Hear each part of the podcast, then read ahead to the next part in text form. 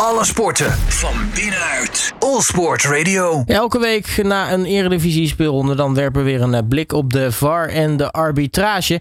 En afgelopen weekend, uiteraard begon het nieuwe seizoen eindelijk weer.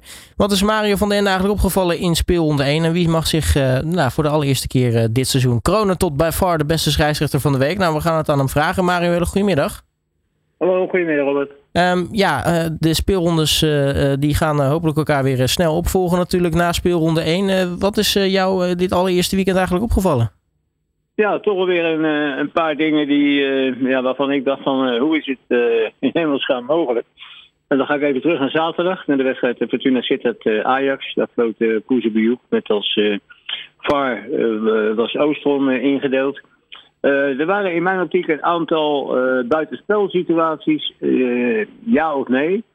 en dan bedoel ik bijvoorbeeld op de buitenspel staande Bobby voorafgaand aan de 1-2. En het doelpunt dat Bobby zelf scoorde. wat mij heel erg verbaasde, was dat in het verleden werd dan toch nog eventjes op de televisiebeelden, of het nou in de rechtstreekse beelden of in de herhaling, of in de, in de samenvatting, Uh, ja, dan zag je die lijntjes getrokken worden. Uh, om in ieder geval de buitenspelsituatie te bevestigen. Uh, ja, en die bleven achterwege. En dat vind ik dus heel vreemd. Want nu heb je dus nog steeds, tenminste bij mij, uh, nog steeds een aantal situaties. waarvan ik nog steeds met een vraagteken zit. Van, was het nu wel buitenspel ja of nee? Omdat het gewoon een hele onoverzichtelijke situatie was. Omdat er misschien die camerabeelden uh, ja, zo geregistreerd zijn dat die camera niet helemaal recht op de situatie stond. Dus uh, ja, dat vond ik heel fantastisch. En uh, ja, ik zag van de week dat de pers bij de, bij de scheidsrechters te gast waren geweest. En dat Van Egmond, de coördinator van scheidsrechterszaken, dat hij had geroepen dat het allemaal vorig jaar weer fantastisch is geweest. Dat de statistieken die spraken in het voordeel van de VAR. Er waren slechts 28 fouten. Ja, dat betekent dus dat er bijna één wedstrijd per, per, weekend uh, toch eventjes uh, niet goed gaat. En volgens mij kom je dan nooit aan de juiste cijfers. Als je bijvoorbeeld nu ook weer uh, deze situaties niet even voor het, voor het voetlicht brengt. Om, om iedereen te laten kijken of het juist, of juist niet buitenspel is. En ja, ook een hele rare situatie in deze wedstrijd was. het stond 1-0 voor Fortuna Sittard. Toen was het een, weer een ja-nee buitenspelsituatie van de spits uh, Gladom van Fortuna Sittard. Die werd uh, in een kansrijke positie werd hij de schuurs uh, naar de grond gewerkt. de grensrechter vlagde enorm snel. Want normaal wachten zij altijd de situatie af. En dat is ook dan heel, heel gek. Mm -hmm. liet heel snel doorspelen.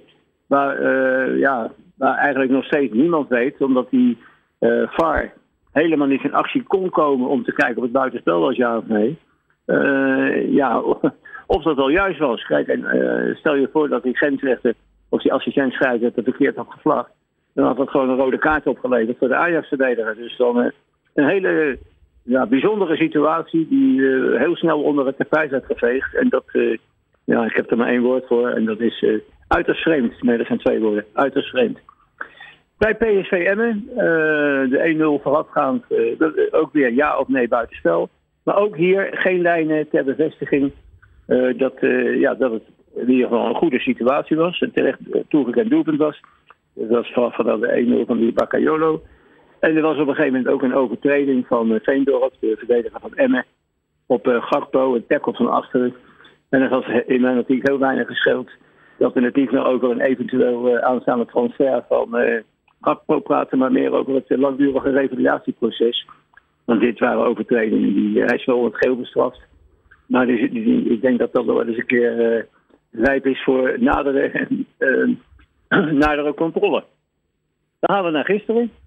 De wedstrijd FC Groningen tegen Volendam. Daar scoorde Benamar met een kopbal 2-2. Tenminste, scoorde hij. Dat was heel moeilijk te zien. de bal kwam achter de doellijn, ja of nee. Uh, scheidsrechter Kooi en zijn assistenten zagen er niet, zoals ze wel meer niet uh, zagen gistermiddag.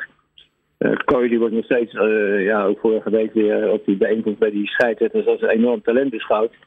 En ik zal dan wel eens willen weten wat de definitie is die de KNVB aanhoudt voor talenten. Maar in ieder geval, die, de VAR, en dat was in dit geval scheidsrechter Bos, ja, na heel lang bestuderen en ja, kwam hij tot de conclusie op een gegeven moment zag je een beeld van, van bovenaf dat de bal ja, niet meer zichtbaar was. En dan gaan ze er maar vanuit dat het een doelpunt is. ja, ik denk dat, dat het inderdaad wel een goede beslissing is. Dat hij dus inderdaad terecht werd, werd toegekend. Maar ja, we hebben dus de VAR heeft dus een aantal jaar geleden intreden gedaan. Maar ik denk dat we ook maar eens heel snel naar een verplichte doellijntechnologie moeten toewerken in de eredivisie. Dan, dan heb je dit soort discussies. Uh, en dat, heb ik, een aantal voorbeelden zijn bijvoorbeeld ook in de Premier League het afgelopen weekend weer. Ja, die behoren het verleden, omdat dat gewoon een, een feilloos systeem is. Nou, ook een situatie bij uh, Vitesse Feyenoord. Uh, Frederiksen die scoorde 2-2 op een gegeven moment. Ja, die werd wel afgevlacht door buitenspel. Uh, Kamphuis en zijn assistenten hadden waarschijnlijk toch een balletje in het oog. Dat was een, een dusdanig overzichtelijke situatie. Ja, dat, dat je je af kon vragen hoe het eigenlijk fout kon gaan, dat nou. Maar goed, in ieder geval greep de VAR uh, in en uh, werd het een zuiver doelpunt. Ja, en ook een keer bij de 1-2 van Danilo.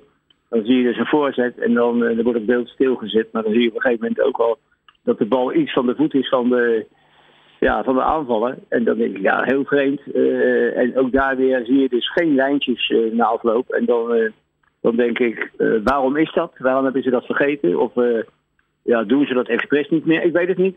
maar het was in ieder geval niet te zien. En dat, ja, dat geeft dus in, in drie, vier wedstrijden in ieder geval toch een, een aantal vraagtekens. Dat je zegt van, waarom geef je geen extra service aan het publiek? Want dat maakt het voor iedereen duidelijk. En dan hebben we ook nog de elleboog van de week gehad. En die was in de laatste wedstrijd gisteren tussen AZ en Go Eagles. Overtreding van, eh, van Dani de Wit. Uh, scheidsrechter Lindhout die werd uh, door de VAR, in dit geval Erwin Blank, naar de kant gehaald. Uh, want die, die vond het ongetwijfeld rood, want anders had hij niet naar de kant toe. Maar goed, Lindhout ja, die, die streek toch even met zijn hand over het hart en die besloot tot geel. En dat was in dit geval een hele milde straf, want een duidelijk voorbeeld van een elleboog kon je niet hebben. En dat waren een beetje de zaken ja, die mij zijn opgevallen en die, die zeker weer tot verbetering ja, behoeven. Nou, dan hebben we dat in ieder geval gehad. Dan is het tijd voor het volgende. Wie is de beste scheidsrechter van het seizoen? Dat bekijken we eerst per week. Dit is by far de beste scheidsrechter van de week. Met Mario van de Ende. Ja, Mario, eh, de beste scheidsrechter van de week, of by far de beste scheidsrechter van de week, moeten we eigenlijk zeggen. Wie is eh, dat eigenlijk voor, eh, voor speelronde 1 dit seizoen? Ja, ja die, moeten, die titel moeten ze dan nog even delen. Uh, waren op papier, maar ook gewoon in de wedstrijden. Ik heb die wedstrijden zelf ook gevolgd. Cambuur tegen Excelsior en NEC tegen FC Twente. En daar floten Edwin van der Graaf en Daddy Makkely. En ja, die brachten er in, mijn optiek het, het beste ervan af, die weekend.